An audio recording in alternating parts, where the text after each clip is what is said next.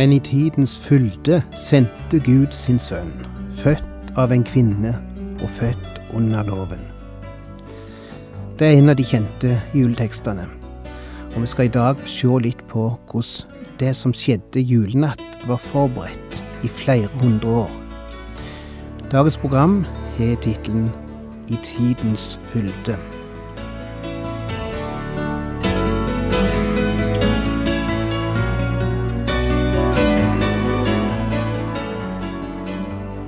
Hjertelig velkommen til et nytt program i serien Vindu mot livet. Vindu mot livet er basert på programserien Insight for Living ved Chuck Svindal. Programmet er produsert av Kristen Riksradio og blir ledet av Ola Violand.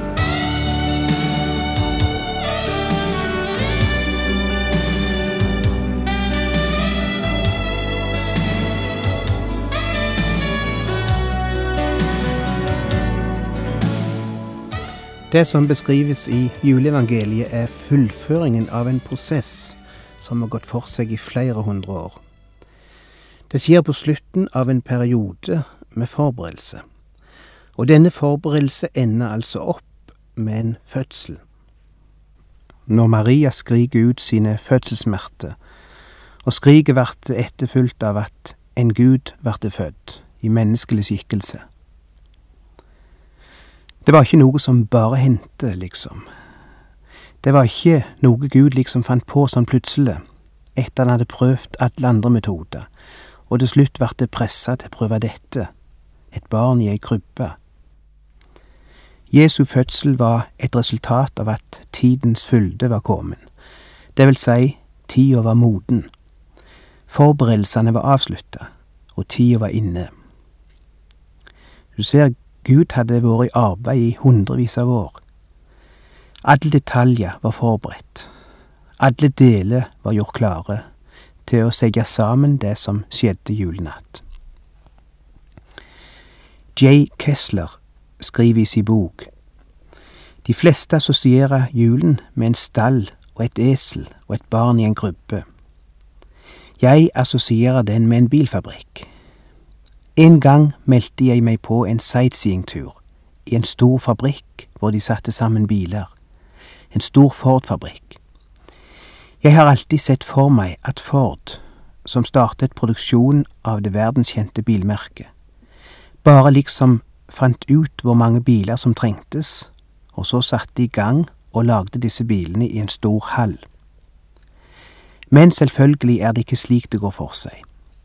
Over hele Amerika produseres det deler til bilen, som sendes til Ford-fabrikken. I en by et sted i Amerika lager de girkasser.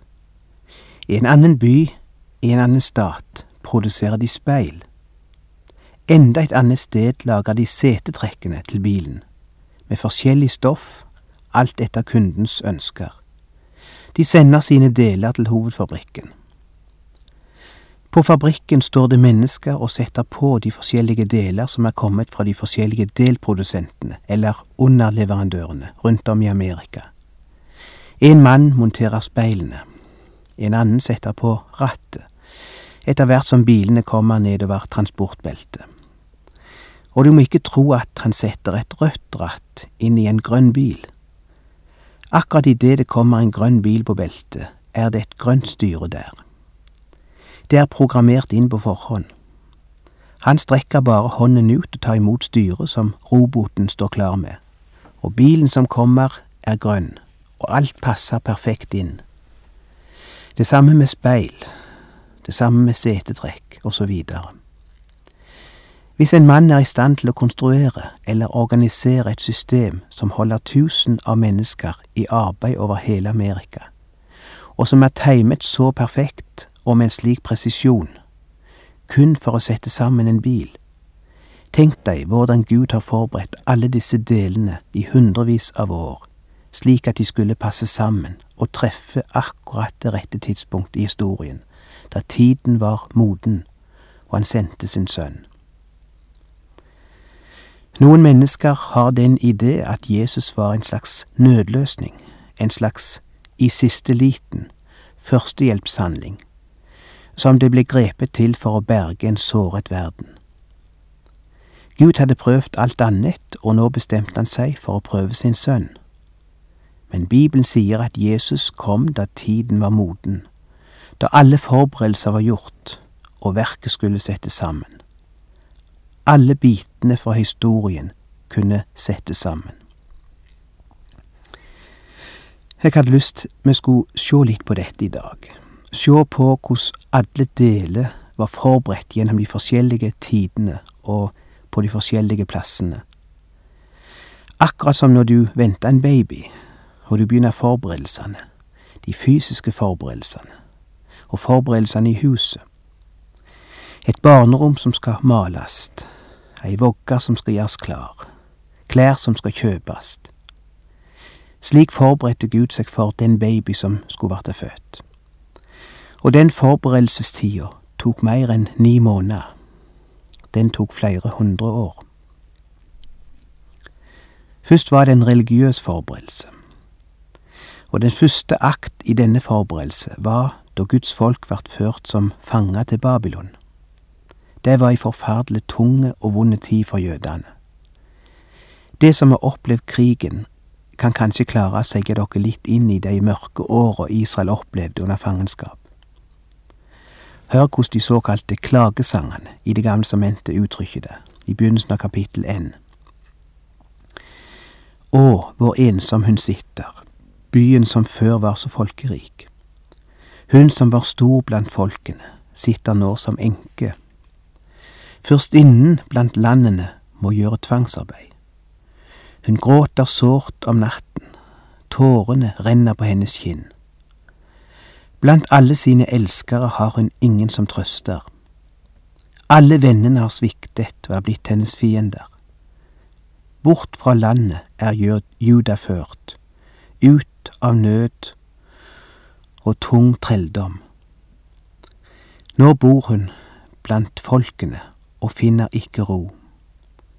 Alle forfølgelsene nådde henne igjen midt i trengslene.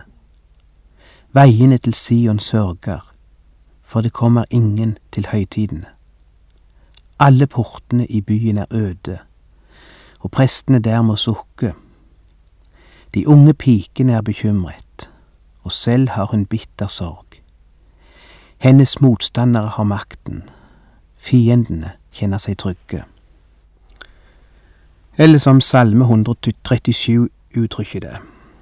Den som har skrevet denne salmen, må ha vært øyenvitne til det han skildrer. Ved Babylons elver, der satt vi og gråt når vi tenkte på Sion. På piletrærne der i landet lot vi harpene våre henge. Der ba de oss synge, de som holdt oss fanget. De som plaget oss, krevde glede. Syng for oss av Sions sanger. La oss høre de gode, gamle sangene ifra Sion, de som det sang før. Syng for oss. Det er som det ligger litt mobbing imellom linjene her, over et folk som er fanga i fremmede land. Tenk deg en norsk fange i en tysk konsentrasjonsleir som ble mobba av vakterne. Syng for oss de store nasjonalsangene deres. Syng Ja, vi elsker, eller Fagert er landet La oss høre om gode, gamle Norge. Men jødene svarer, Hvordan kan vi synge Herrens sang her på fremmed jord? Jeg tror at sæden for Jesu komme til jord ble planta i jødene nettopp her i fangenskapet. Jødene var brakt på kne, de var knust.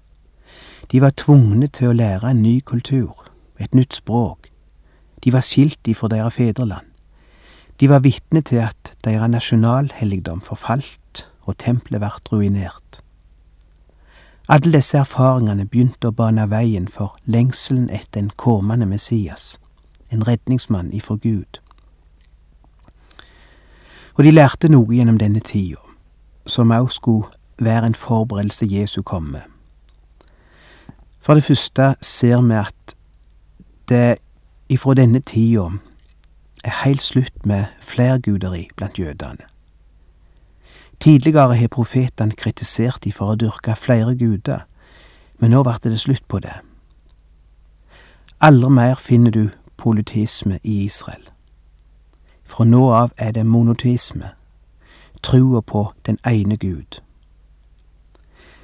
De har lært ifra fangenskapstida hva flerguderi førte til i dette landet der de var fanga. For det andre var det i fangenskapssida at de hellige skriftene begynte å verte samla og tokne vare på, noe som skulle legge grunnlaget for ei hellig bok, Det gamle stamentet. På slutten av fangenskapstida, under Esra-tida, leser vi om hvordan de hellige skriftene vart samla og skilt ut ifra alle andre skrifter, og de begynte å lytte til disse skriftene som de aldri hadde gjort før. For det tredje begynte synagogene å oppstå. Til nå hadde deres gudstjeneste eller samlinger vært litt tilfeldige og spredte og spontane. Men i fangenskapet begynte de å samles mye mer regelmessig og planlagt, og synagogene vokste fram. Robba for sin nasjonale helligdom i Jerusalem begynte de å samles i noe som etter hvert skulle verte synagogen, et hus der de begravdes i sorg, et hus der de studerte Skriftene, et hus der de kom sammen og ba til den ene Gud. De innså si tidligere synd. De var lei av avgudsdyrkelsen. De vart rensa og fornya i si tru. De venta på Frelseren. Denne nye institusjonen skulle bli en kanal for det budskap som snart skulle nå jorda, om en frelser som var født. Et perfekt utgangspunkt for den første eh, kristne misjonsstrategi, eller det første kristne misjonsengasjement. Fangenskapstida var ei mørke og vond tid for jødene. Men smerten brakte de på kne, samla de, og framfor alt gjorde de opptatt av Gud og hva Han hadde sagt i sitt ord. Et ord som de ofte hadde ledd av i tidligere generasjoner. Nå lytta de. Nå var de åpne som aldri før.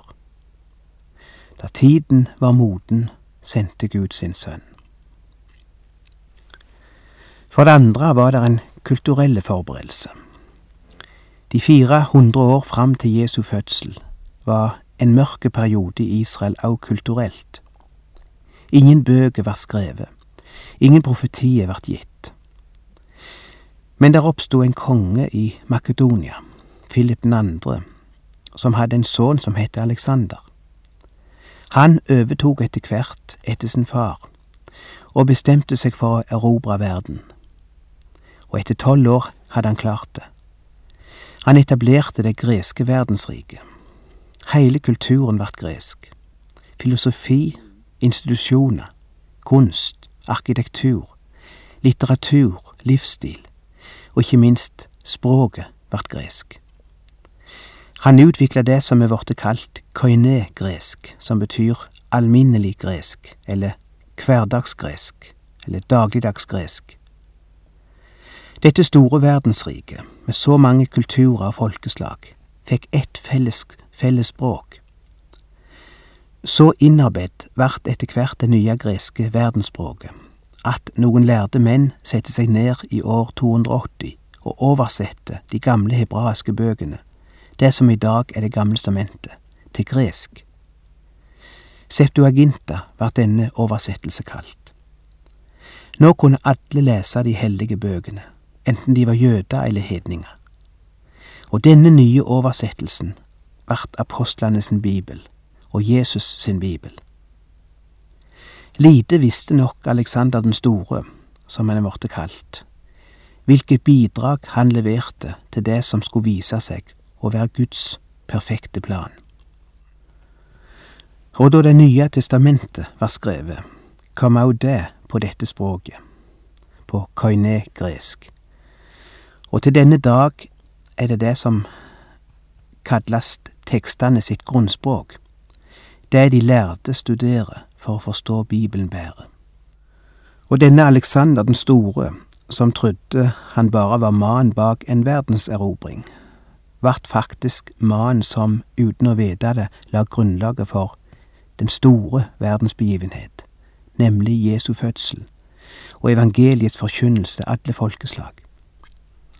Han var som en hanske på Guds hånd og forberedte verden for det store som skulle skje. Og så har vi den politiske sida.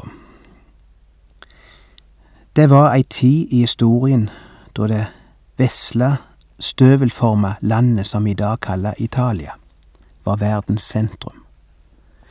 Roma var hovedstaden i et verdensrike som aldri sett sin mage, og det oppsto noe som vart kalt Pax Romana, den universelle fred og rettsstat.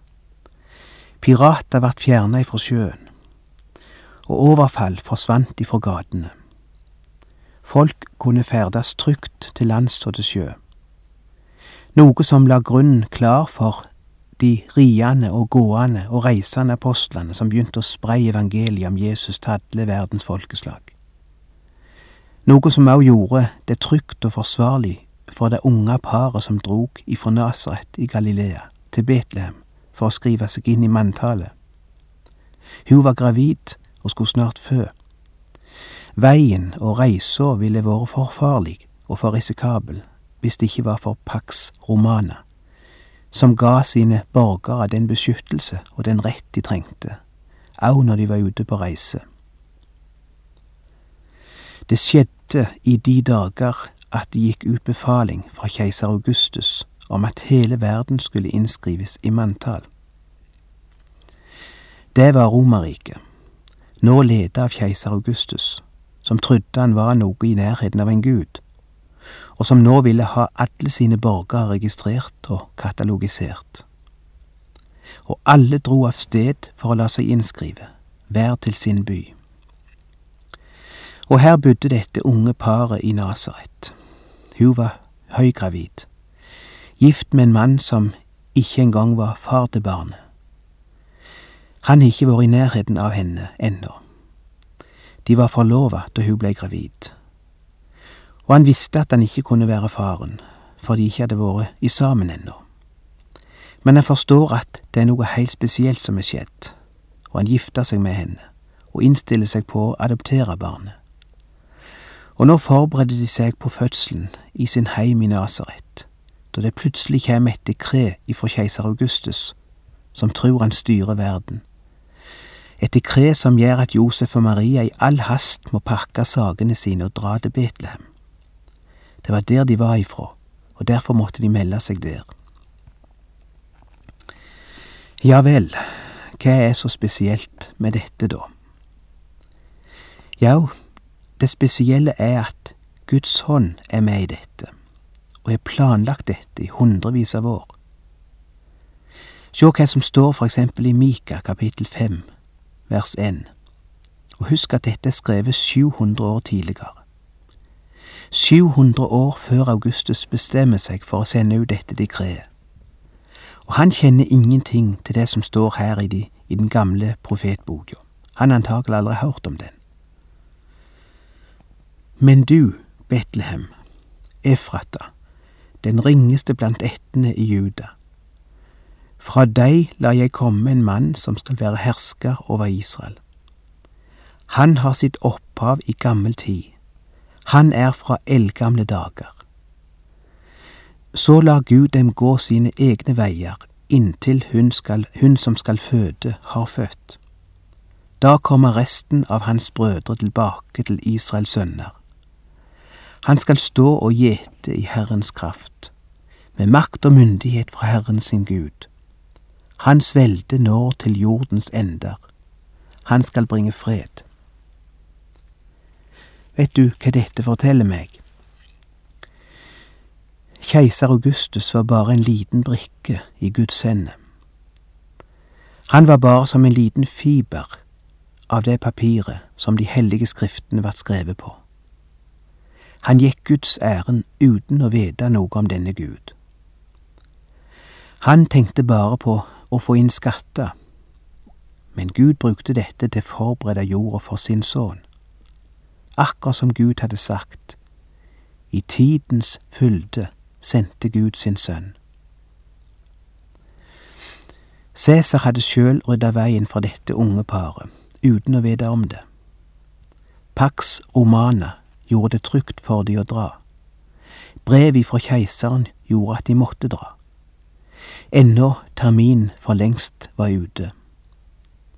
Veier og kommunikasjonssystem var utbygd som aldri før, og lå klare. Verden hadde sunket ned til et moralsk nivå som gjorde at hedningene skreik ut sin åndelige hunger overalt. Verdensspråket som skulle bære dette budskapet ut til alle folkeslag, var etablert og klart. Jødene var klar som aldri før til å ta imot sin Messias. Forsamlingshuset sto klar til å høre budskapet, og til å verte utgangspunkt for virksomheten i de forskjellige byene rundt om i Romerriket. Og det er hundrevis av gamle, andre gamle skriftsteder som viser det samme, hvordan det hele var forberedt av Gud i tusenvis av år, iallfall hundrevis av år før det skjedde. Barnet ble født på den rette plass, i det rette øyeblikk, på den rette måten. Hva sier dette deg? Tror du at du er født ved en tilfeldighet? Da er du i tilfelle den første overraskelsen Gud noen gang har fått. Tror du det er tilfeldig at du lever i dag, eller at du kom til å høre på radioen akkurat nå?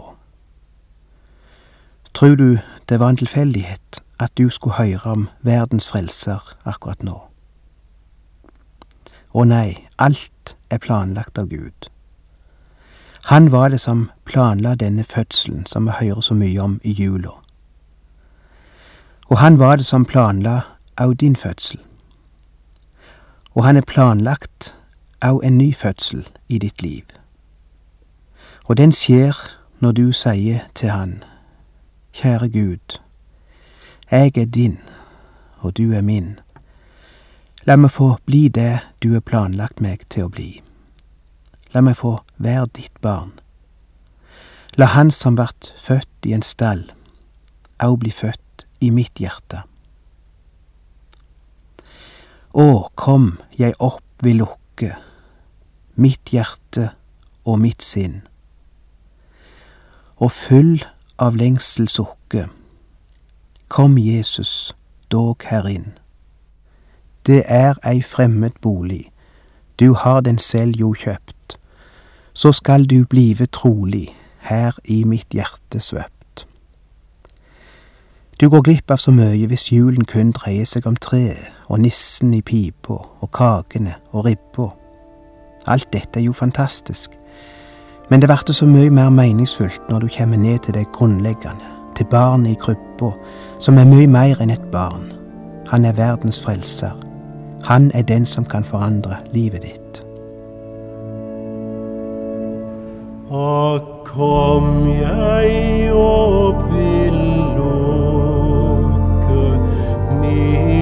hjerte og mitt sinn, og full av lengsel sukke, kom Jesus dog her